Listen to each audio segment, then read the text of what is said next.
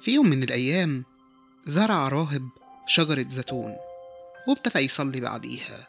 وقال يا رب أرجوك ابعت المطر للشجر بتاعي. وفعلا ربنا بعت المطر والشجرة كانت رطبة جدا والراهب بعديها استمر في صلاته. وقال دلوقتي يا رب أنا بطلب منك إنك تبعت أشعة الشمس لشجرتي. لأنها محتاجة للدفء وربنا فعلا بعت أشعة الشمس للشجر. والشجرة مع الوقت كبرت وفروعها ابتدت تكبر وتكبر وتكبر. وبعديها الراهب كمل في صلاته وقال له يا رب ابعت شوية سقعة علشان الجذور تقوى أكتر والفروع تبقى أجمل وأقوى أكتر وأكتر. وفعلا ربنا بعت السقعة ولكن الشجرة ماتت. فساعتها الراهب زعل جدا واتعصب جدا وقرر يروح لراهب تاني علشان يحكي له وياخد رأيه في الموضوع اللي حصل ده.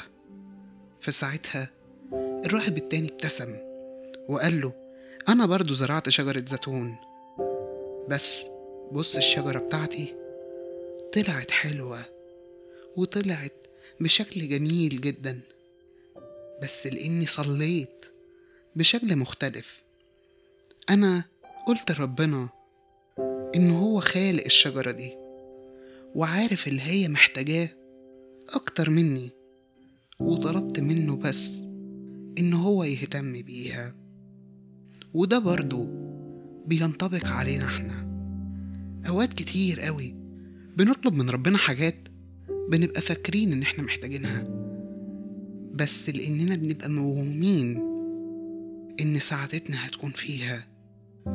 أوقات كتير قوي بنقول له لتكن مشيئتك بس من جوانا بنبقى بنقول له خليها مشيئتنا إحنا مع إننا لو سيبنا مشيئته هي اللي تمشي وإن ربنا هو اللي يختار لنا ويدبر لنا.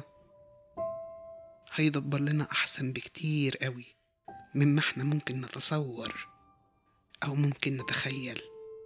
خليك متأكد إن ربنا عارف مصلحتنا أكتر مننا.